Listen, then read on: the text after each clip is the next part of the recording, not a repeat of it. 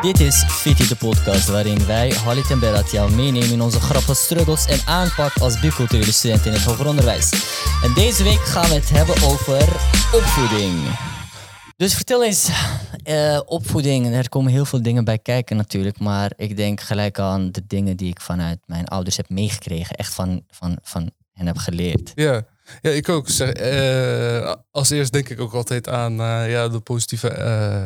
Echt heel veel dingen die mijn ouders hebben geleerd. Ze hebben altijd hun best gedaan. Ja, Altijd voor me geweest. Altijd mij voor hen gezet. Mij en mijn kinderen. eh, mijn kinderen. nog niet, nog niet niet. mijn kinderen, maar Daarna. mij en mijn, eh, mijn broertje en mijn zusje. Eh, ze hebben hun altijd voorgetrokken. Heel veel geleerd. En het, zeg maar, hoe ik presenteerbaar moet zijn. Hoe ik moet praten. Hoe ik Mhm. moet oordelen.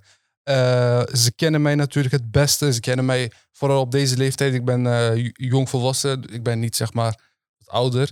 En ze kennen mij, naar mijn mening, kennen ze mij beter dan ik mezelf ken. Dat zou Mhm. ik zeggen. En op die manier hebben ze ook altijd over mij kunnen, eh, hoe noem je dat? Beter over mij kunnen oordelen. Mhm. En dan dat ik Een beetje eh, kunnen aansturen. Dit aansturen. zijn je verbeterpunten, En- let erop. altijd nog steeds op deze leeftijd, als ik iets ga doen, als ik een stap ga zetten, grote stap relatief, Ja, altijd ga ik naar hun toe. Ik praat met hun. Ik eh, vraag om hun mening, hun sturing. Altijd, hun nog steeds. Advies, Hun advies. raadplegen. Altijd. Dat doe ik nog steeds, Leuk. nog steeds op, ook op deze leeftijd. Ik ben bijna 24. Ja, wel, wel mooi om te horen. Ik bedoel, je kan altijd rekenen op je ouders. Maar ik zei het, Altijd, hoe, hoe ja. oud of hoe jong je bent, in Ja. hun ogen ben je nog steeds een klein kind. hoor. Ik bedoel, echt waar. Als, eh, ik maak altijd een grap. Ik heb gestuurd, gestudeerd door vadersangst. Oké. Maar, dat is, maar daar stopt het ook dat het een grap is. Door oude, vooral vaderangst. Maar, eh, Ja. eh, maar eh, mijn, omdat mijn vader mij zo goed altijd kende. Ja. en mijn ouders mij altijd zo goed kenden. Ja. Beter dan ik mezelf kende. Zij wisten, vooral wisten heel goed. Maar, want mijn vader heeft zelf ook gestudeerd. Oh. Ja, In Turkije of in Nederland? allebei. Ja, hij Oh, is daar begonnen Nice. met scheikunde. Dan is hij hier gekomen, is hij doorgegaan bij TU, Delft, met scheikunde. Eh, dat vond hij niet heel leuk, is hij daarna IT, de IT ingegaan. Eh, maar dit is al in de jaren, eind jaren 80, begin jaren 90, heeft hij dat gestudeerd. Dus hij wist ook precies, ja, precies hoe de eh, schoolcultuur hier een beetje was. Dus hij kon ook heel veel meegeven. Dat, hoor je niet heel, heel vaak. Hè? Wel side note van... Nee, inderdaad. van- Nee. Hoor je niet vaak, nee.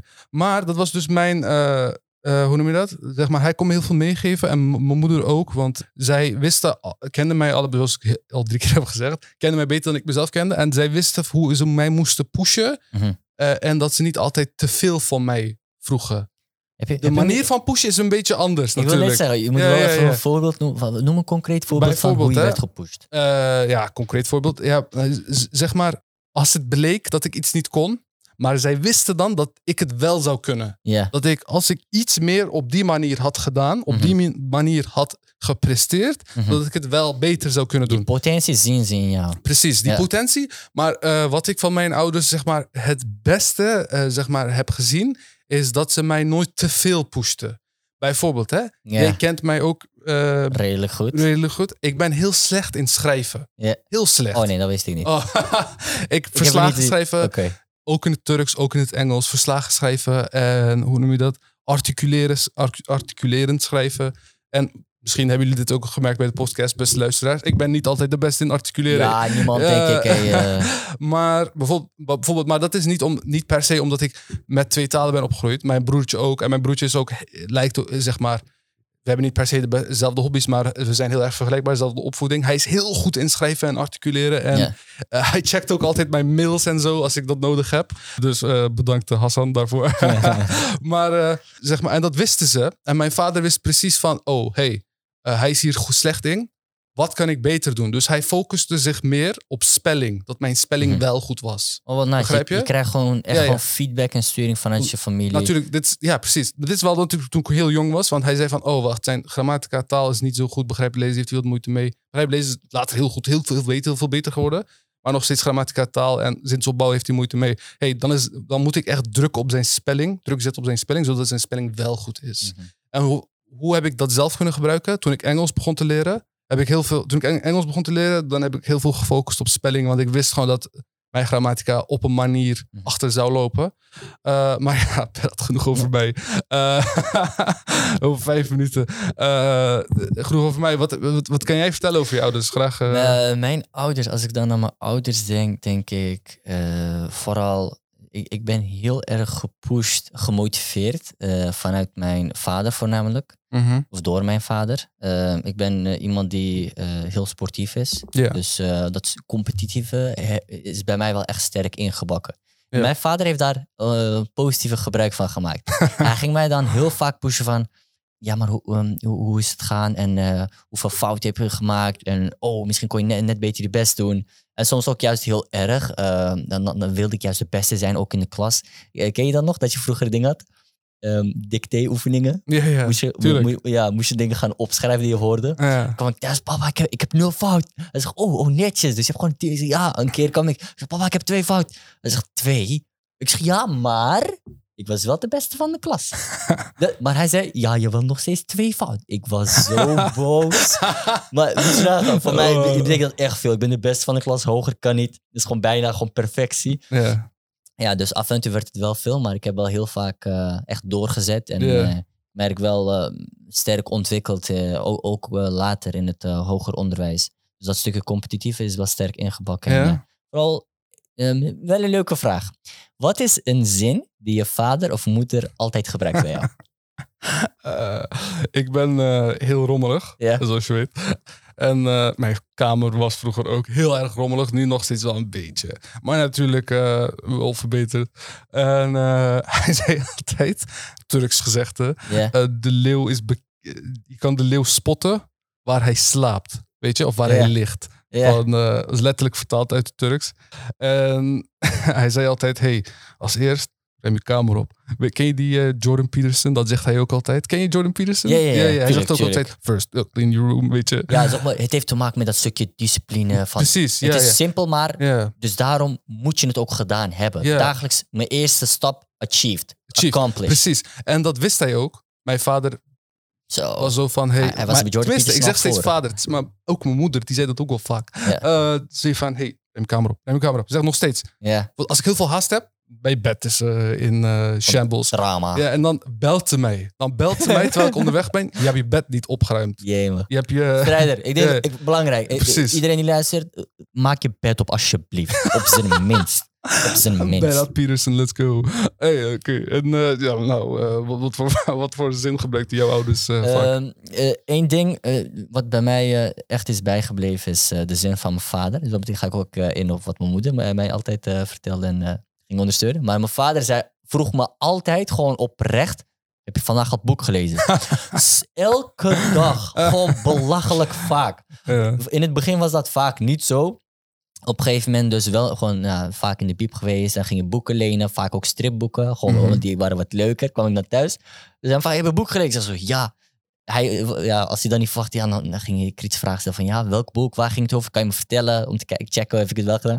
Ja, ik las gewoon stiekem Donald, Donald Duck en zo. En dan eh, zeg ik, ja, je moet ook wel normale boeken lezen of informatieve boeken. Dus ehm, Ah. want, ja, je kon heel veel boeken lezen. Dus ik ging uiteindelijk wel combineren. Maar dus, eh. Ja, ik had heb dat, je eh, boek gelezen vandaag? ah, dat, was, eh, dat was de centrale ik had dat heb je boek gelezen vandaag probleem. eh, vroeger echt nooit. Nog steeds eigenlijk niet zoveel. Want eh, ik las heel veel... eh ken je National Geographic? Tuurlijk. Ja, National Geographic Junior had je vroeger, weet je Ja, nog? een vriend van mij had dat ook. Nou, ik had abonnement nice. daarop en ik vond het heel leuk. En informatieboeken vond ik ook heel leuk en ik leesde dat altijd.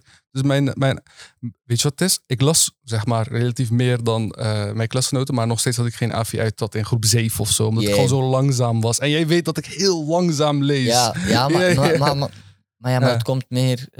hoe noem je dat? Ja, je hebt een klein beetje moeite met lezen. Met aandacht geven. Met aandacht bedoel ja, ik. ja, dat bedoel ik. Ja, ja, ja. Dat, ja, vandaar. Ik bedoel... eh, Kan wel. Ja, ja, kan wel. ja, Ja, ja. Ik denk dat het wel een factor is hier. maar ja, eh, ja, maar dat was, ja, ja. Maar ja, mooi man. Ja. Leuk zo terugdenken aan je jeugd, hè? Zeker, man. Ja, man. Heb, jij, ja, eh, heb jij misschien ook straf gekregen om iets? Ja, vals, vals, maar zeg maar iets dat je echt bij is gebleven. Want nu het toch over dingen gekregen. Ja, misschien is het al. Omdat ik zei dus dat stukje boek lezen. Zal ik dat vertellen? Eh, eh, van wat? Oh ja, ja, tuurlijk. Ja. Ja, beste luisteraars. ehm, dus mijn vader eh, stelt altijd de vraag van, heb je vandaag boek gelezen? En een keer, dus werd dat vaak... Ja, hij was het een keer gewoon zat, omdat ik dan constant achter de pc zat. Ja, van, van school naar huis en dan gelijk achter de pc. Dus een keer was hij zat, hij kwam thuis. Hij zegt, Berat, hij zegt, heb je al boek gelezen vandaag? Ik zeg, nee papa. Want hij zag me achter de computer. hij liep door. ja, dat is dan een hele gedoe van hoe ga ik nu hiermee om? Awkward. Gaat hij terugkomen? Gaat hij wat Mhm. zeggen? Hij kwam terug met een boek van Harry Potter eh, en de relieken van de dood. Dat is Deathly Hallows, zeg maar, voor de mensen die het Ja, kennen. ja. Hij zei tegen mij, je moet dit boek in een uur uitlezen. dat boek bestaat uit 550 pagina's. Dat was de straf die ik kreeg. Dus dat betekent garantie. Hij zei, anders krijg je huisarrest. ik was zo overstuur. Ik heb het geprobeerd. Ik, ik herinner me oprecht nog, ik, ik, ik was in mijn bed. Hoe ver ben je gekomen? Ik heb volgens mij 16 bladzijden gelezen. Mijn vader kwam checken. Hij zegt, Ah, hoeveel ja. bladzijden heb je gelezen? Ik zeg zo 16. Hij zegt huisarrest. Jongen, ik heb gejankt tijdens het lezen, man. Ja, no, no. Dat was wel... eh, eh, ja, man. Ja, man. GG. GG. Good game. Vader heeft wel goed aangepakt, hoor, man. Dat is wel een goeie. Ja, man. Ja, sindsdien eh, vaker naar de biep gegaan. Wel Donald Duck. eh, Dus daarmee begonnen. Mijn vader had me een keer... eh, ik was in de tweede en ik had, ik had heel veel... ik had wat tekorten in de tweede, weet je. In het begin ging die zo goed. Maar, en ik had toen een PSP en ik was PSP aan het spelen. Dus mijn vader kijkt op magister. Hij ziet... Het? Hij ziet... Heb je weer onvoldoende gehad? Nee. Oké, hij heeft mijn PSP afgepakt. In de tweede. Oké. En ik kreeg hem echt pas terug toen ik 21 of zo was. Hoe, hoe lang heeft hij hem afgepakt? Hij had hem afgepakt. Hij had hem bij zijn... Hij had, zeg maar, op werk had hij kluis. Had hij een kluis. ja? Hij had hem daar gezet. En dan heeft hij hem gewoon vergeten. En ik vroeg het steeds. Hij zei van... Nee. Oké, hij zei van... Hij, hij negeerde me toen ik dat zei en zo. Hij draaide zich om en zo. En toen... Jaren later, jaren later. 21, bro, dat, Ja. hoeveel jaar is dat? Ja, echt acht jaar bijna, volgens mij.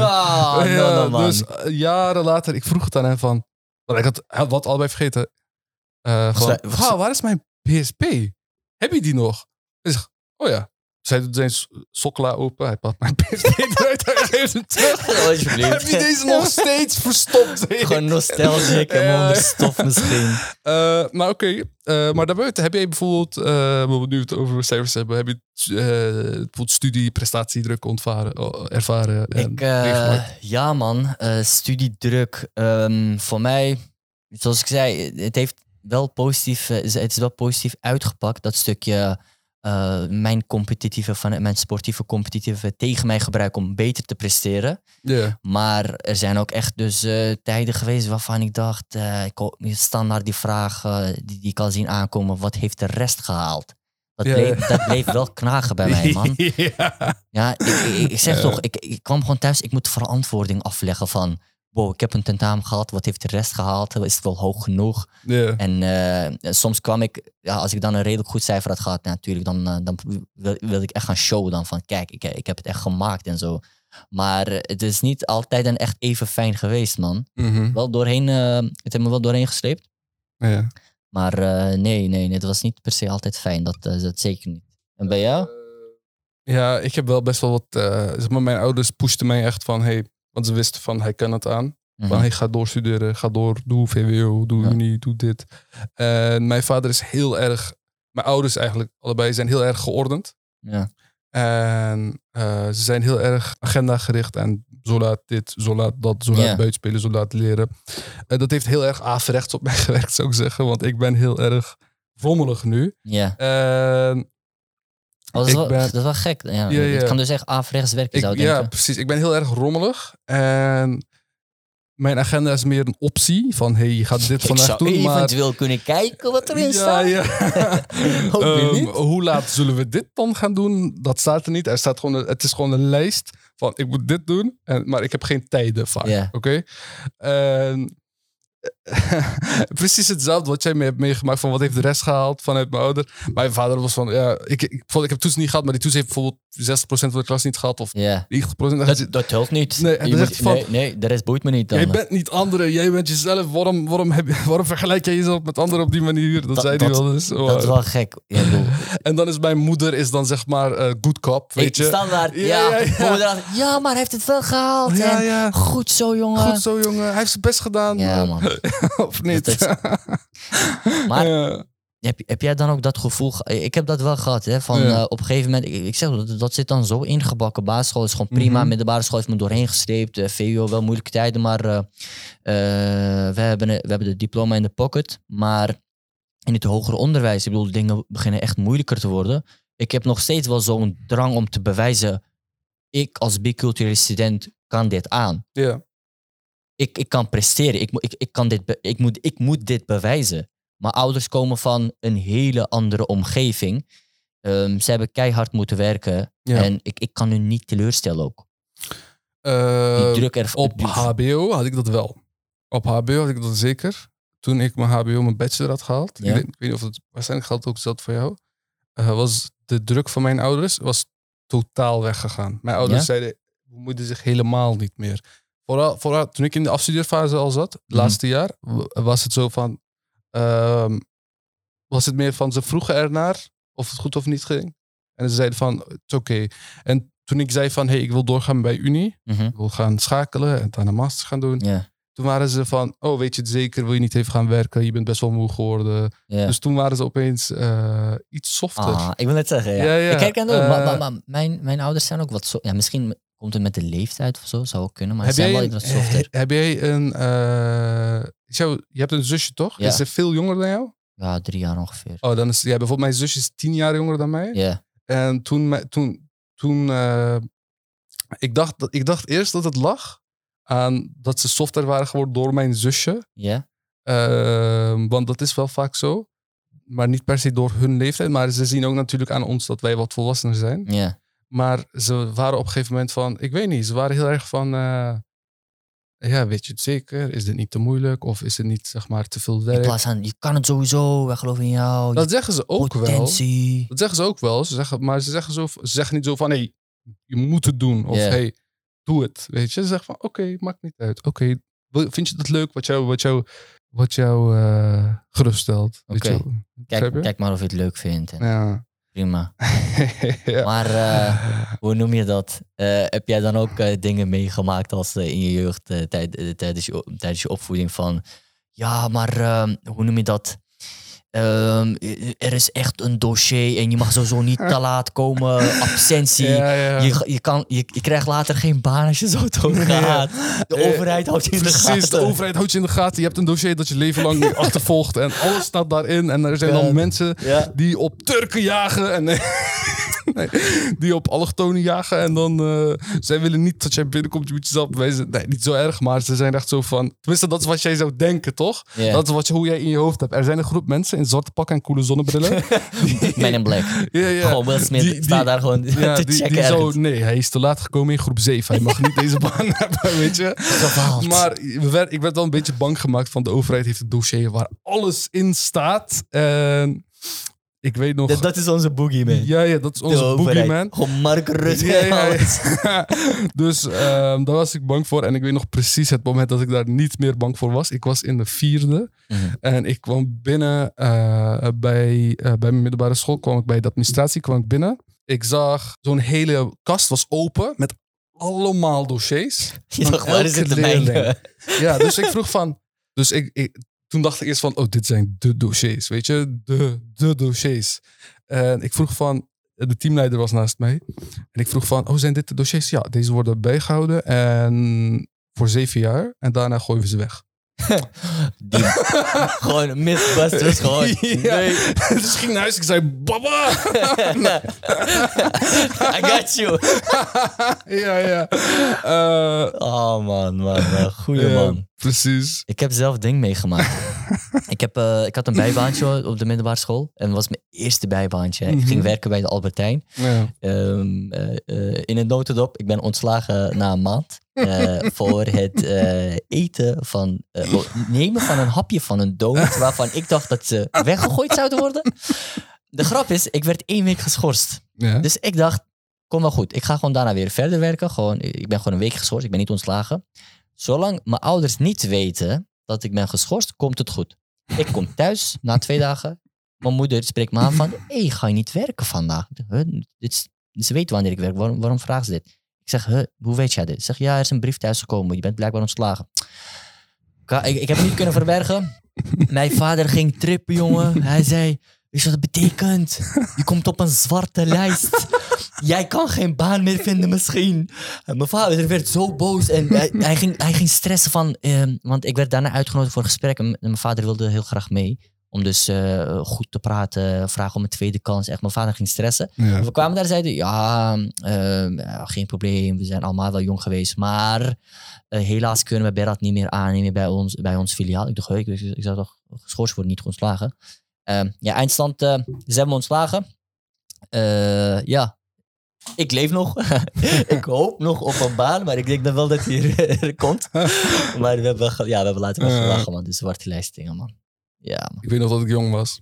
En we kregen brieven thuis. Ja. Gelukkig was mijn vaders Nederlands best wel goed.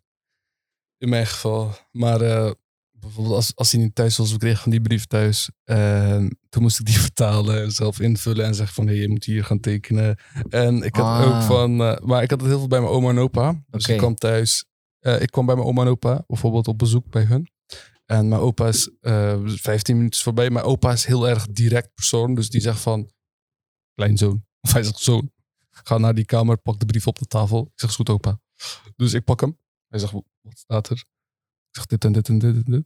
Dus ik, moet, dus ik weet nog, je weet hoe het is met opa en oma. Ze hebben een hele berg met medicijnen. En die moet je dan Ja. allemaal opschrijven. keer Ma- per drie maanden of zo. Dus ik moest dat, ik weet nog dat ik dat allemaal moest doen. Belastingformulieren invullen. Hoe oud was je toen? Ik weet niet, 15, 14. Oké, ja, ik bedoel... eh, Ja. ik, ik, ik, had- is het veel eerder. Ja. Ik, ja, ik heb het wel gehoord eh, van vrienden. Ik bedoel, dat ze Ja. al op jonge leeftijd gewoon... Zij waren verantwoordelijk voor gewoon belastingbrieven. En, Oeh, Ja, ja. Ik, ik heb dat gelukkig niet gehad. Mijn, Nee. mijn- ja, maar mijn vader eh, fixte wel al die Ja, mijn dingen. vader fixte dat ook Ja. zelf. Maar soms was hij er niet. Ja, Zijn vakantie of zo. Maar mijn opa, bij mijn opa en oma deed hij het ook meestal. ja. Eh, maar soms was het gewoon, Maar ik wil net zeggen, ben jij daar? Er zijn, er zijn maar... eh, ja, ik, heb ik heb ook vaak genoeg gehoord dat mensen gewoon zeiden... Ja, eh, mijn vader begreep gewoon net niet helemaal van... Welke stappen moet ik dan nemen? Wat moet ik waar precies invullen? Dat je dan op eh, wat 12, 13-jarige leeftijd al gewoon je, je familie met dit soort eh, formele brieven moet gaan helpen en zo. Ik bedoel, moet je nagaan. Als jij het ook niet kan, klaar, hele, hele familie kan dan geen ding doen. By the way, zo heel random, maar eh, jij, hebt, jij hebt een oudere broer, toch? Ik heb een broertje. Oh, broertje. Ja. Ik, ik heb zelf een oudere broer. En Mhm. eh, vooral eh, de- toen, toen, ik, eh, dus toen ik nog klein was, wij, mijn broer en ik waren gewoon een tweeling. We kregen standaard zeg maar dezelfde Precies hetzelfde. Dezelfde kleding zo. Ik was, gewoon, een- ik was gewoon een kleine kopie van mijn broer. En mijn broer en ik lijken nog best wel veel op elkaar. Ik was gewoon echt een kleine versie. Gewoon, gewoon heel mini Gewoon zo'n copy-paste te- tweeling, tweeling kleding dragen en zo. Ja, dat waren wel, dat waren wel issues. Ja, ja, en dan kreeg je bijvoorbeeld... eh, eh, mijn broertje kreeg mijn... Mijn broertje wilde nooit mijn kleding dragen. Oh, nog kledingoverdracht. Heel goed, ja. Stan- ja, man. Ja, en we gingen naar bruiloft of zo, hadden we dezelfde kleren aan. Hij zei van, heeft jullie moeder je weer aangekleed? schattig. Ja. Ah, leuk. Ja, ja, maar... Dat is wel volgens mij echt relatable voor iedereen, man. Gewoon dat je kleding van je oudere broer of ding krijgt. eh. Precies. Nou, Het is wel lekker duurzaam. Het is wel lekker duurzaam, hè? Ja. Goed voor het milieu. Ja. Eh, ik vraag me wel af, Berat. eh, we hebben wat inbreng gekregen van de Ja, luisteraars. laten we luisteren, man. En let's go. Hey, met Talha. Ehm, ik denk wat mijn opvoeding het meest onderscheidt, eh, is dat ik beide culturen meekrijg. Eh, maar dan in mijn geval vooral buitenshuis kreeg ik de Nederlandse cultuur, de Nederlandse taal, de Nederlandse eh, hè, muziek, feestdagen, etc. mee. En binnenshuis was het vooral Turks, Turkse taal, Turks tv, Turks cultuur, Turkse muziek, Turks eten. Eh, dus dat, dat, dat contrast. ehm, en ik denk een ander ding wat, ik, eh, wat me altijd is bijgebleven is omdat ik als Nederlander, dus ik ben geboren in Nederland, de taal beter beheerst dan mijn eigen ouders. Ik een soort verantwoordelijkheid had om te helpen met allerlei huishoudelijke en ook eh, administratieve taken. Eh, dus ik weet nog heel goed dat ik, terwijl hè, klasgenoten, vriendjes van mij zitten te playstationen of te spelen, heb ik in mijn achterhoofd dingen qua financiële achterstanden en eh, deurwaarders en dat soort dingen in mijn hoofd, omdat ik het meekrijg eh, vanwege die verantwoordelijkheid.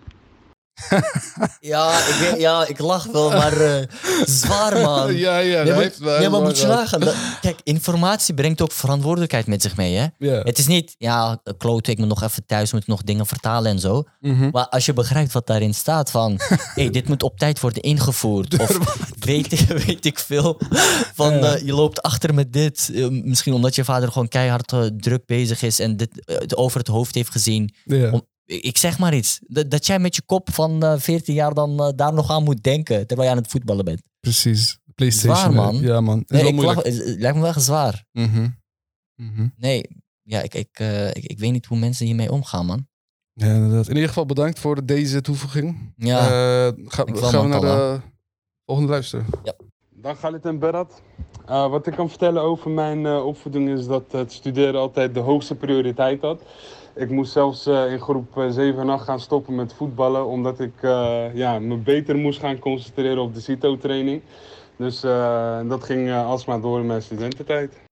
hey, hey bro, dit is, eh, wel dit is wel hoog niveau. Ja. Dit is wel hoog niveau. Eh, eh, wel shout-out naar allebei. Eh, echt eh toppe mensen. Dankjewel voor, eh, eh, voor jullie inbreng. Waardevolle inbreng. Maar, maar wat zien we hierin terug? Verantwoordelijkheid op jonge Dit leeftijd. is verantwoordelijk op jonge leeftijd en veel verwachtingen zou ik zeggen. Ja, maar ik, ik voel die druk, man. Ik begrijp Ja. die druk. Echt gewoon een prestatiedruk. Dit is wel echt, eh, dit, dit heb ik nooit eerder gehoord, dat hij moest gaan stoppen met voetballen. Maar, maar, maar ook voor de Cito voor training. Voor Cito Niet voor training. Cito, gewoon dit is de voorbereiding ervoor. Ja. Jij kan je waarschijnlijk niet goed genoeg concentreren omdat je aan het voetballen bent. En je school. diezelfde dag die dingen moet doen misschien. Ja, dus weet je dat gewoon, we gaan even voetbal afschaffen zodat jij optimaal kan concentreren voor je Cito-training. precies. Ja, nee, moeilijk man. Dat is Eh, eh, ja. Ja, precies. Dat Wel- is best wel moeilijk. Wel gek om te zien. Ik weet niet of je het volgt, maar momenteel zijn er ook heel veel initiatieven gaande omtrent eh, prestatiedruk, onze prestatiemaatschappij. Mhm. Ik denk dat dat echt relatable is voor echt iedereen, oprecht. Ja, Maar eh, ik zie vooral terug in biculturele jongeren dat er heel veel prestatiedruk is, Ja. vaak. Eh, en heel veel van onze jeugd, denk ik, dat ze heel veel eh, het gevoel hebben dat ze zichzelf moeten gaan bewijzen of zo, Ja. weet je. Maar ja. ik denk, ja, natuurlijk, als je mhm. dat vanuit je ouders meekrijgt, ja. dat, dat, dat, dat daar voornamelijk die, ehm, mm, de meest cruciale factor aan ligt. Ja, eh, natuurlijk is het niet zeg maar zwart op wit. Je hebt wel en geen prestatiedruk. Het is ook hoeveel prestatiedruk heb je en Ja. hoeveel. Hoe ga je er ook zelf mee om natuurlijk? ja, precies. eh, Bijvoorbeeld niet alle ouders eh, bedrukken alles even hard. ja. Mijn ouders bijvoorbeeld niet super hard of zo. Ze zeiden het wel, maar niet Ja. echt zo van. Maar ja, daar hebben we net ook over gepraat. ja, nou, nou maar ja, vooral bij Talha zag je dus dat stukje. mhm, dat is de Ehm, eerste dus. Ja. Ja, Mhm. eerst jongeman. Ehm ouder, kijk, thuis word je dan opgevoed met, met in dit geval een Turks cultuur. Maar buiten zegt hij dus de Nederlandse samenleving en de Nederlandse normen en waarden, mijn eigen vrienden en dat- alles wat ik daarbij krijg. Je, je, je hebt bij wijze van gewoon twee soorten opvoeders in dit geval. Mhm. Eén, je gewoon thuis thuis, je ouders. En tweede, gewoon de samenleving zelf. Ja, Ja, dat, ja, dat, dat, ja, dat is wel Ja. een gekke insight. Inderdaad, ja. Nou, daar komen we op dat eeuwenoude debat van nature or nurture. Ja, Ja, maar we- we- ik weet niet hoe, hoe diep daar we in willen gaan. nee. Maar inderdaad, eh, maar we moeten ook realiseren van, hey, onze ouders, zeg maar, het sluit ook hier mooi op aan. Onze ouders zijn niet bicultureel zoals wij. Zij zijn vaak immigranten. ja. Je hebt natuurlijk ook jongeren die ook biculturele ouders hebben. We zijn vaak immigranten. Zij zijn in Turkije opgegroeid in ons geval. Of in ja, Suriname, Marokko, China, eh, andere landen. Meest populaire. Maar, eh, en ze zijn in een wat lagere, ook in Turkije, sociale eh, klasse opgegroeid. Mhm. Dus ze mogen eh, met de mindere economische kansen. eh, zeg maar economisch, die minder economisch goed hebben. Ik bedoel, ze zijn voor een reden gaan immigreren. ja. En dan komen ze hier en dan komen ze weer, zeg maar, in een ja, relatief lagere economische klasse. Natuurlijk niet iedereen, maar over het algemeen is het wel zo. En nou, stel je voor, je kinderen gaan dan studeren of eh, dan bijvoorbeeld doen een, een bachelor, een master. En dan komen ze in één keer in een stuk hogere. Dat is gelijk al de eerste generatie na hun. Mhm. En vaak eh, is het ook dat jij zeg maar de eerste generatie bent in je familie die studeert. Bij mij, in mijn geval is dat dus niet zo. Maar in heel veel gevallen is dat wel zo. Bij mij, bij mij bij- dus Ja. wel, ik ben, ik ben daar een levend voorbeeld van. Ik ben dus eh, een eerste generatie student. Ja. Dat is wel een interessant onderwerp, denk ik. Want eh, is jouw broer de eerste persoon in jouw familie die heeft gestudeerd? Of jouw eh, nicht, zeg maar. Ja, kijk, in ieder geval in mijn gezin dan. Ik heb dus een oudere broer, mijn broer en ik, en mijn zusje ook nu, Ja. eh, zijn de eerste personen in het hoger onderwijs. Mhm. heb ik nichten of neefjes. Wij zijn wel een van de ouderen. Maar dit is echt, dit is echt jouw eerste generatie die echt heeft Ja. gestudeerd, wat je Ja, zegt. ja, dus dit komt wel daarop neer. Wij zijn echt eerste generatie student. En dit kan wel echt uitdagingen met, met zich meebrengen. Denk maar aan onze eerste aflevering over dus bodemcultuur. ja. Voor mijn hele familie, dat is gewoon nieuw. Ik zeg toch, ik heb niks meegekregen. Mhm. Dus dan kan je denken aan, dit is dus nature en of een beetje nurture op zich. Maar eh, als je kijkt naar dan je omgeving, waar je bent opgegroeid, als je daar ook niet hebt gezien, ja. wat in mijn geval dus niet zo was, alles is nieuw. Het hele on- universiteit leven, studentenleven, eh, alles is gewoon nieuw. Dus eh, zo'n borrelcultuur, heb geen idee wat ik van moet vinden of hoe ik ermee moet eh, omgaan of mee moet gedragen. Ja, dan ik kom maar dan heel simpel van, hé, hey, eh, wat, wat gaan we doen? Ja, sowieso eh, naar die vrijmibo, bro. Eh, Ik denk, wat? Vrijmibo, wat betekent dat? Oprecht? Vrij, vrijmibo? Nee, precies. Wat dat? Ja, middagborrel. Oh, oké. Ja, nee, Ja, inderdaad. veel. Maar eh, zeg maar die generatiekloof die hierdoor ontstaat, die Ja. hebben we het ook vorige week over gehad. Dat is dan ook ehm, hoe het wereldbeeld dat jouw ouders hebben en dat jij hebt. En ja, dat, dat, dat verandert ook. Er is een Mhm. blik op de wereld die jij hebt en die je ouders hebt. En dat kan heel veel eh, verschillend zijn. Vooral in je jongere jaren eh, merk je dat. Ja, dat zou ik zeggen. En dat is misschien ook een van de redenen waarom zo'n prestatiedruk is. Ze hebben gezien hoe, hoe hard en hoe moeilijk de omstandigheden kunnen zijn. Ze hebben ja. het ervaren. Dus gewoon om die garantie te willen hebben, zijn we gewoon, denk ik, hard gepusht om, om te presteren. Zodat Mhm. wij die garantie hebben van, eh, ja, het is niet, ja, als je altijd een diploma hebt, door bam, je hebt gelijk baangarantie. Mhm. Natuurlijk, dat heb je niet. Maar da- daar gingen ze voornamelijk van uit. Of misschien was het destijds iets meer zo. Maar Ja. dus vanuit studeer, wat er ook gebeurt, je gaat studeren. Ik ga je Mhm. pushen.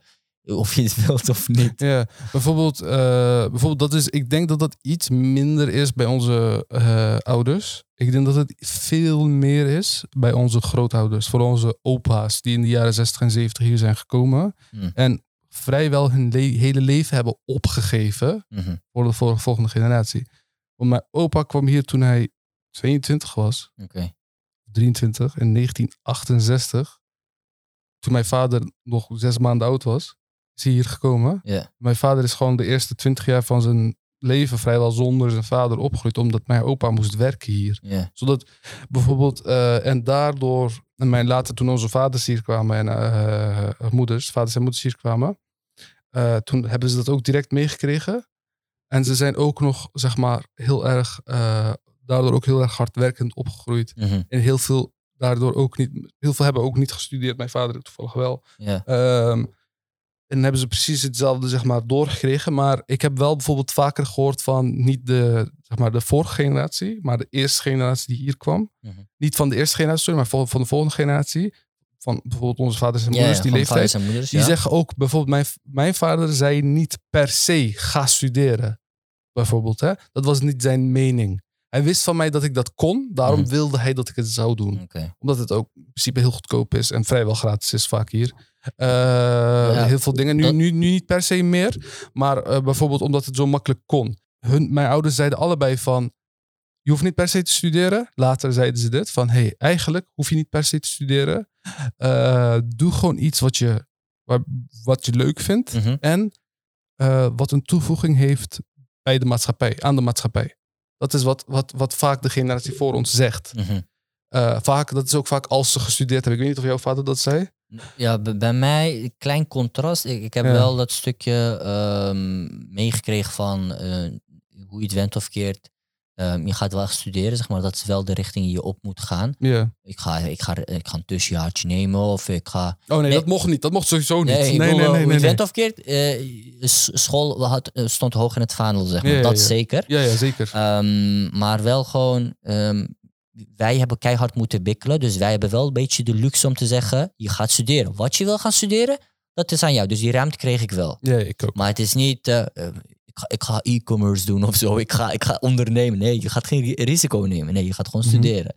Dus dat wel, dat wel ja, gekregen. Ja, ja, ja, maar later zei... Mijn vader heeft het later tegen mij gezegd. Later toen Mm. ik... Hij zei van... Hey, ik, ik dacht het beste voor jou was om te gaan studeren. Ja. Mijn ouders zeiden dat tenminste allebei. En eh, toen was het van... eh, ja, het is eigenlijk belangrijk dat jij... Een, wij, wij wilden graag dat jij een, je steentje zou bijzetten aan de maatschappij. Dat was meer wat centraal stond.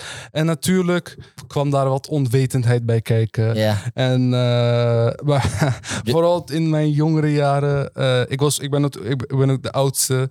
Mijn ouders wisten niet veel van uh, hey, voetbalclubs en ik weet niet, sportclubs. En Mm. zwem, zelfs zwemdiploma's. Ik heb, ik heb geen zwemdiploma. Hoe bedoel je? Ik heb geen zwemdiploma. Ik heb geen Ik heb- A, geen B, geen Wat? C. Wat? Ja, ja.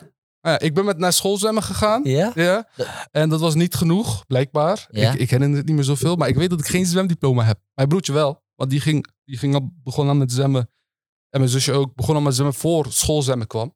Oh, Maar ik niet. oké. Ja, heb ik, geen niet, ik zwemdiploma. ook niet, by the way, hè? Oh, oké. Ja, ik ben, ik ben niet de enige. Rustig aan. Ik heb, ik heb wel mijn A en mijn B gehaald tijdens schoolzwemmen, dat Ja. wel. Maar daarvoor eh, ging ik ook niet naar een zwemles of iets. Of zo. maar daarvoor heb je wel bijvoorbeeld leren zwemmen van je ouders? Ja, tuurlijk, dat wel. Ja, ik niet. Lekker. Low budget. Je hebt zelf leren. Ja, Waarom ja. niet? Waarom Hey, niet? wij gingen gewoon naar eh, Antalya en dan Ja. gingen we lekker op. Maar, eh, doe maar wat je wil. Gewoon zo vasthouden bij, je- bij je buik. Beetje, Ja, beetje drijven. Kom op, trappelen. nee, inderdaad. Nee. ja. maar, Ja. nee, maar nu het zegt, eh, zoals je zegt, dus zij zijn, wij, wij zijn echt eerste generatie student. Ik, eh, misschien nu een voorbeeld van, vanuit mijn mo- moeder dan. Mhm. Ehm, mijn vader spreekt gewoon veel beter Nederlands dan mijn moeder. Die van mijn moeder is dan echt wel redelijk wat minder. Mhm. Maar ik herinner me nog, op de basisschool, naast mijn moeder, die, naast mijn vader die altijd zei, heb je vandaag boek gelezen? Mijn moeder ging wel heel vaak met mij proberen boek te lezen. Zelf begreep ze volgens mij niet heel veel. Ehm, maar ze ging wel altijd naast me zitten en zei, ja, kom, we gaan lezen. Nee, ik heb geen zin. Ze ging, wel, kom. En dan gingen, gingen we dan een boek lezen over Chaco. Dat was dan een, eh, een figuur uit Amsterdam. Zo'n zo'n roman ging ik dan lezen. En mijn moeder ging dan Oh. mijn moeder ging dan gewoon standaard naast me zitten en gewoon eh, ja, heel geduldig proberen mee te lezen, zelf wat proberen te begrijpen, maar voornamelijk mij motiveren om door te blijven lezen. Ja. Wel heel, heel oprecht, wel heel nice. Nee, Respect. nee, inderdaad. Ja. Wauw man, Mhm. leuke mama. Nee, echt respect hoor. Voor zo, el- ja. elk, elk, elk eh, ouder die dat doet natuurlijk. Maar ja, onwetendheid dus, ja. Borrelcultuur, eh, zelf br- brieven niet eh, per se eh, begrijpen en Mhm. voornamelijk bepaalde hele extreme eh, eh, eh, reacties kan je dan krijgen. Ik heb bijvoorbeeld, ik heb bijvoorbeeld op, op mijn middelbare school kreeg een, een brief thuis opgestuurd. Ehm, als je absent stond. En Mhm. ik stond twee keer absent bijvoorbeeld. Eind van het jaar kreeg ik een brief van, oh, Bernard staat twee keer absent. Dat gebeurt gewoon standaard. Iedereen krijgt dan zo'n brief. Ehm, eentje daarvan was zelfs veroorloofd, maar ik heb het niet kunnen regelen. Dus ik, eentje weet ik niet. Ik heb waarschijnlijk één, één les geskipt of mm, gemist. Mijn vader las die brief. Er stond uiteindelijk alleen iets, iets, iets, iets, iets. En dan leerplichtambtenaar. Mijn, kijk, onwetendheid, hè. Mijn vader Ja. ging zo hard trippen. Hij kijkt me aan. Hij zegt, Berat, wat is dit? Ik zeg, oh ja, dat is, eh, ik, ik kan het uitleggen. Hij zei dan, eh, ehm, weet je wat dit betekent? Leerplichtambtenaar. De zwarte lijst. Hoe noem je dat? Eh, als je zo doorgaat, dan kan het echt niet. Mhm. Als je zo door kan, het echt niet. Ik probeer het er nog uit te leggen van, pap, dit stelt echt niks voor. Er zijn echt mensen van die, weet ik veel, van tientallen uren. En uh, leerplichtambtenaar gaat echt niet komen naar mij. Gelukkig was mijn broer er- erbij, want mijn vader begon bijna met grepen van... ja, ja, ja. Nee, je moet het niet eh, bagatelliseren. Je moet niet doen alsof het niks is. Want ik weet het beter. Snotjoch. En mijn, mijn- broer heeft het echt staan van... eh, pap, dit stelt echt niks voor. Er zijn oprecht mensen met iets van 40 uur en zo. Die worden misschien aan de kant gezet en aangesproken. Maar twee uur stelt echt niks voor. Dus rustig aan. Anders, anders kreeg ik op mijn kop, man. Ja, anders ja. stond ik op die zwarte lijst. Anders de zwarte lijst. Ja. Ja, man. Dus eh, Eh. dat wel. Eh, Ik heb nog één ding die ik eigenlijk kwijt wil. ja, ja, ga je gang. Nu we toch over dus dat stuk onwetendheid krijgen. Mijn vader is wel iemand die dus heel veel stress als hij eh, een beetje formele brief krijgt en eh waarschuwing krijgt van hé, hey, oh, eh, absent en als het zo doorgaat moeten we naar de leerplichtambtenaar. Mhm. Eén, dus mijn vader is van, van natuur al zo eh, een beetje gestrest om dit soort dingen. Ja. Eén ander voorbeeld is, ik ging een keer eh zaalvoetballen met een vriend. Eh, Ja. Daarna we dachten, hey, het is, laten, we, laten we een ijsje eten. Eén ding dat jullie moeten weten is, mijn vriend en ik, hadden, wij hadden allebei dus een scooter. Op twee scooters gingen we bij McDrive, gingen we ijs eten. Daarna waren we op weg naar huis. Het was best wel laat, half twaalf in de nacht. Aan de overkant van de weg waar we op reden, zag je een politieauto die een scooter staande hield. Oké. Dus wij onderling, ah, waarschijnlijk krijgt hij een boete, een beetje lachen. Eh, wij reden door en op, nou, echt na, na 50 tot 100 meter kwam er een politieauto gewoon haasten naast ons. Gewoon bijna Oh gewoon nee. driften van, hey, jongens aan de kant. Dacht, huh? Weet je wat mij te binnen schoot? Ik denk, wij krijgen een boete omdat we naast elkaar rijden. Mhm. Er kwam een agente en een agent uit de auto stappen. Die agente liep voorop en die was gewoon kwaad en dat was te, was te zien. Ze keek ons aan en zij zei... Ja jongens, waarom moest jullie daar net schreeuwen? Ik dacht, huh? Ik eh, verbaasd. Mijn vriend zei, schreeuwen? We hebben niet geschreeuwd. Mhm. Ik zeg, ja, doe niet, eh, doe niet alsof jullie hebben ons uitgescholden. Ik zeg, ik zeg mevrouw, waar heeft dit over? Ja, je zei puta. Ah. Ik zeg, wat? Ik weet niet, Ah. op dat moment, ik wist niet, wat, ik wist niet eens wat dat betekende. Blijkbaar ik dat hoer in het Spaans. Ja, ja. Ja, wist ik niet. Ja, ook geleerd. Ja, bij deze gebruik ik dat woord niet. Maar dat betekent dus dat. Maar die vraag, ik, ik zeg, mevrouw, ik zeg, zoiets heb je niet gezegd. Ja, als je op zijn minst je excuses zou aanbieden, dan zou ik je nog helpen. En zo. Ik zeg, mevrouw, ik ga niet mijn excuses aanbieden voor iets dat ik niet heb gedaan. Dus ging flippen, zei, ja, mag ik jullie, eh, geef je rijbewijs en zo. Ik, ga- mijn vriend en ik eh, gaan voor onze rijbewijs. Die ging naar binnen. Dus kwam daar later weer terug. Zei, jullie krijgen thuis een boete opgestuurd. Ja, en eh, uiteindelijk eh, reden ze weg. Kreeg ik een boete voor niks. De vraag is, hoe ga ik dit allemaal nee, vader nee. voornamelijk uitleggen. ik denk weer met mijn hoofd, ik hoop niet dat, deze, deze, dat zij deze brief zien. Ik schrijf Ja. wel een, bezwaar, een, een bez- een bez- bezwaarschrift, zodat ik het niet hoef te betalen. Ja. Eh, uiteindelijk, ze hebben het wel gezien. Eh, Mhm. Ze kregen een geel briefje thuis opgestuurd. Ze moesten even lezen. Eh, nog iets om te lachen. Mijn vader kon het niet lezen. Hij heeft het blijkbaar opgezocht. Hij, hij vond iets van wildplassen. Eh, hij dacht dat ik een boete zou krijgen voor het wildplassen. Maar eindstand, ik zeg, pap, komt goed. Ik ga met iemand wiens Nederland, Nederlands super goed is, ga ik een bezwaarschrift schrijven. Ik had nog ge- gekeken. Ik, ik zou anders een boete krijgen van 118 euro voor het verstoren van de openbare orde. Wat Oh. gewoon nergens op sloeg. Normaal, normaal schrijven ze van ambtenaar beledigen. Ja, weet ik wel. Dus Ja, vrouw had ja. gewoon een klote dag, denk ik.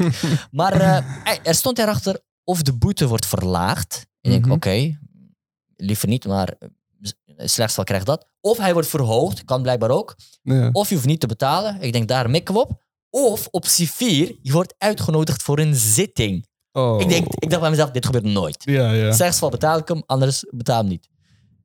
Enkele weken later, flash forward. Mijn vader komt, eh, ik woonde al op kamers, die kwam naar me toe Mhm. met de brief. Hij zegt, eh, bij deze gefeliciteerd. Je wordt uitgenodigd voor een zitting. Hij vet kwaad, gewoon vet sarcastisch. En daarna reed hij weg volgens mij.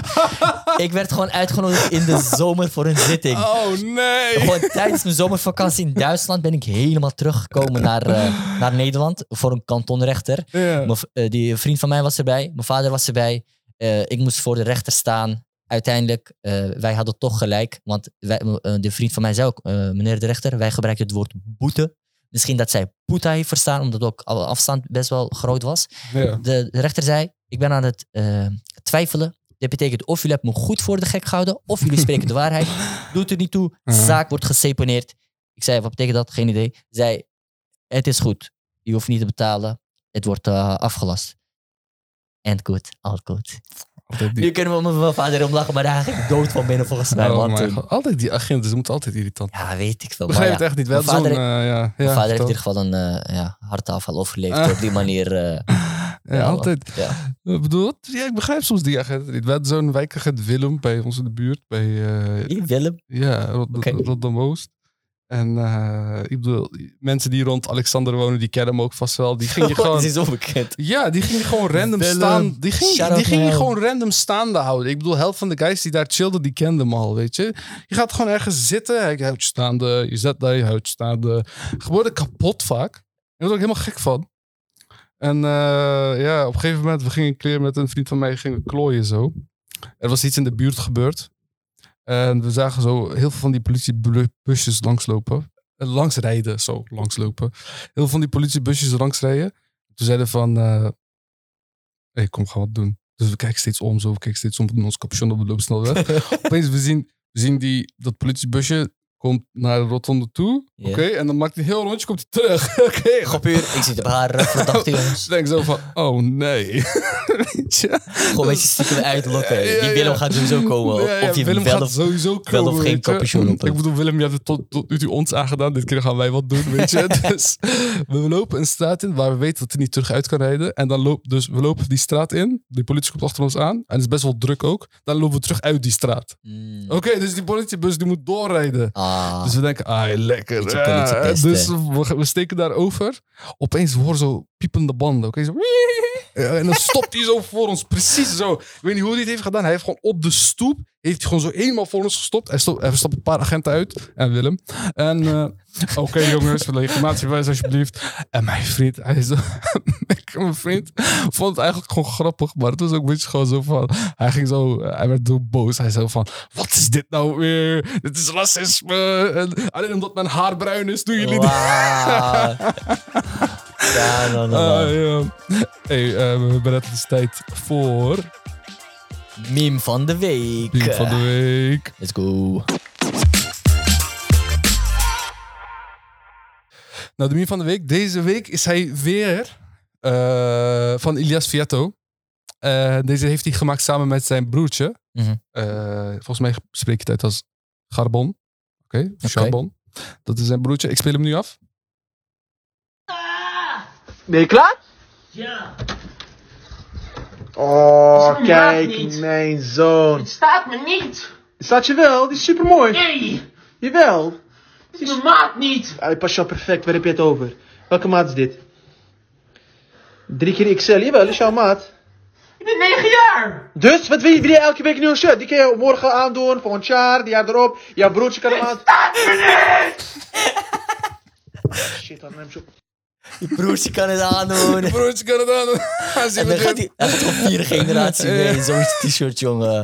dan zien we het weer terug gebeuren. Ja, man. Ja. Je Check hem op Insta, man. Check hem op Insta. Check hem op Insta, mensen. Hij is echt uh, Yes, geweldig. Eh, Vieto, legendary. Ilias Vieto, echt gewoon. Mr. Relatable. Oké, eh, ik hoop dat, we hopen dat jullie de memes leuk vinden. Hey, wil, je, wil je dat je. eh zie dat jullie zelf ook memes maken of dat jullie zelf memes vinden van hey, dit kunnen de jongens van Fit It Podcast misschien wel gebruiken. Graag zien we het terug. Eh, stuur DM het naar ons op eh, Insta at de Fit It Podcast of mail het naar ons fititpodcast@gmail.com. En nou, de volgende is dan Ja, Tips tips van de week. Tips van de week. Tips van de week. Eh, nou, deze week de tips van de week. Tip nummer 1. Accepteer het verleden zoals het is. Ja. Accepteer gewoon ja, wat je hebt meegemaakt in principe. Eh, Je- ten eerste, je kan er sowieso niks, niks aan veranderen. Ja. Het verleden, wat gebeurd is, is gebeurd. mhm. Ehm, misschien heb je iets meegemaakt waarvan je denkt, ja, achteraf gezien, ik zou het anders hebben aangepakt. Prima, doe het ook. Maar ehm, kijk gewoon vooral terug, welke lessen kan ik hieruit halen? Ik denk dat dat het belangrijkste is. Ja, ja en eh, tuurlijk zou ik over het algemeen zeggen dat dit is zeker, eh, zeg maar, jouw opvoeding is heel waardevol geweest. In Ja. de meeste gevallen. En ik bedoel, wij praten natuurlijk hier niet over bepaalde gevallen waar eh, slechte dingen zijn gebeurd. Nee, maar eh jouw opvoeding is heel waardevol. En natuurlijk, hè, eh, leer daar ook van. Hey, stel je voor, jij zou iets anders aangepakt hebben dan je ouders. Nou, dan neem je dat mee wanneer je zelf natuurlijk Klopt. kinderen krijgt. Of, eh, en dat is heel normaal. Het is natuurlijk een cyclus van, weet je, een feedbackcyclus Ja. zou, ik zou je het kunnen En noemen. wij zijn ook in die overdracht. Wij zijn eerste generatie student. Precies, ja. Voor, besef, voor je ouders zou dan... Ja, als ik me in de schoenen van mijn ouders kan, of, eh, probeer te verplaatsen... komt in een heel nieuwe omgeving. Je weet niet hoe het hoger onderwijs eh, in elkaar zit. Ander land, andere Dus taal. Dat, ik denk, ja, pff, dit is gewoon het beste ervan proberen te maken. Precies, ja. Het is, je weet niks beter. Mhm. Dus ja, hoe, hoe het eh, is uitgepakt weet ik niet. Maar vandaar, wat, wat gebeurd is gebeurd. Accepteer dan zoals het is. Kijk welke je lessen eruit kunt halen en gewoon lekker doorgaan. Precies. Je bent er nog. Nou, tip nummer twee. Bepaal zelf je standaarden. Ja, Niet te druk, de lat. eh, zeg maar, laat niet door iemand anders de lat zetten. ja Bepaal die lekker zelf. Zeker. En vaak krijg je uit je omgeving mee van... hey, dit moet jij doen. Of misschien van je ouders. Oh ja, natuurlijk misschien van Ben je, je nog ouders. zo lang al bezig met studeren? hè? Dat hoor, dat, ja. Ik ik, heb- ik, ik- zelf hoor het niet. Eh, ik heb, ja, ik heb het zelf wel eh, gehoord. eh. Echt? Ja, Oh, of hoe, hoe lang nog? En Oh, naar jou toe. Ja, ja, ja, zeker. ja. Van mijn ouders niet, maar wel van bepaalde familieleden. Van, hé, wanneer ga je nou trouwen en zo natuurlijk. Ja, ook. Ja, ook. ja, jij bent natuurlijk de oudste, zeg maar. Dus eh, zeg maar, jij bent nummer één die moet trouwen. Ik bedoel, jij bent ook de volgende. Ja, ja dus wel. Ja, mijn, oud, mijn broer is dus getrouwd en ik ben nummer twee. Dus eh, dan is het, ja, ja, je moet ook langzaam wat nadenken. Mhm. Maar inderdaad, dus bepaal zelf de standaarden. Het is niet, om, eh, misschien een beetje moeilijk, maar dan moet je wel communiceren, denk ik. Ja. Maar ehm, kijk zelf wat je wil en hoe hoog je wil gaan. Mhm. Ik, ik begrijp je ouders ehm, willen je pushen, ze willen gewoon een garantie, maar kom, kom wel goed. Kijk gewoon wat jij heel graag wil doen en hoe ver jij wil gaan. Ja. Eh, vaak zeg ik, ik wil iets kleins hier toevoegen. Eh, vaak zeg ik aan, bijvoorbeeld als we gaan peercoaching gaan doen en eh, bijvoorbeeld waar we nu peercoaching geven, natuurlijk is het ook de Randstad en we hebben hele grote hoeveelheid biculturele jongeren. Ja, Eh, en die vragen dan ook zo van, hey meneer, of ze vraagt tegen hun peercoach van, hey, we weten, ik weet niet wat ik moet gaan studeren. Ik wil misschien, ik wil heel graag dit doen, maar ik heb gehoord dat, daar geen, dat je daar niet veel geld mee kan verdienen. Mhm. Ik zeg altijd, hey, een van de moeilijkste dingen die je in Nederland kan doen is honger hebben. Oké, is honger lijden. En eh, heel fijn dat we in Nederland gewoon eh, een hele goede minimumstandaard hebben. Dus in principe kan je gewoon doen wat je wil. En stel je voor je verpest het. Ik bedoel, we zijn nog jong. In je twintig kan je zoveel, zoveel verpesten als je wil. Eh, en daarna komt het wel goed. ja. Ja. Mooi man. Nee, mooie woorden man. Gek Halid. Nee, nee, echt nice man. Nee, dus wel echt eh, dikke motivatie aan die Mhm. mensen van eh, gewoon probeer echt te doen. En leef naar je eigen standaarden. Probeer Precies. min mogelijk aan te trekken van wat andere mensen, in, in dit geval ook je ouders, proberen op te leggen van je moet zo hoog gaan. Want Ja. wij hebben het moeilijk gehad Ja. en jij moet 100% garantie hebben van dat het goed komt. Het komt sowieso goed. ja. Het komt sowieso goed. Tip. Nou, tip nummer drie. Stel je ouders gerust. Ja, ik, ik zeg toch, eh, ouders komen uit hele andere omgevingen. Dus Mhm. eh, zij, zij dragen gewoon een grote last en een zorg. Ja. Dus ik denk, hey, wel handig dan om af en toe, wat ik dan zelf probeer te doen, is mijn moeder even bellen van, hey, het gaat goed met me, gewoon even inchecken. Ja, ik heb mijn tentamen wel gehad, of niet, gemaakt, eh, niet gehaald, dat gebeurt ook. Ja, ik Mhm. heb herkansing, rustig aan. Ik overleef het, ik eet gezond.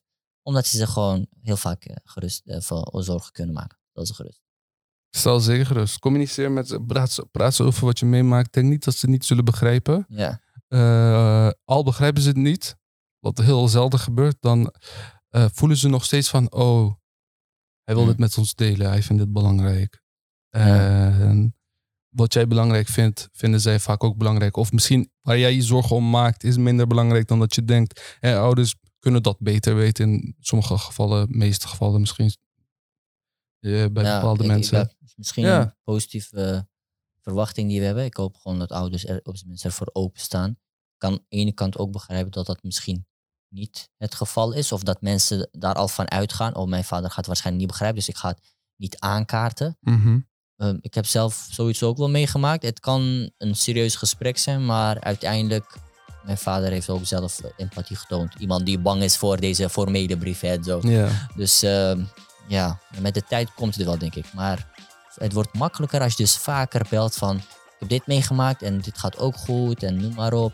Zodat ze gewoon gerust door kunnen leven. Inderdaad. Eh, inderdaad. En eh, daar houden we het bij. Berat. Ja. Dit was, dit was de Fitty de podcast. Fitty, zo, de Fitty de podcast. Dit was Fitty de podcast. Ja, aflevering Eh, 5. Aflevering 5. Hartelijk dank voor het luisteren. Check onze socials. En volgende week gaan we het hebben over Feestdagen. feestdagen.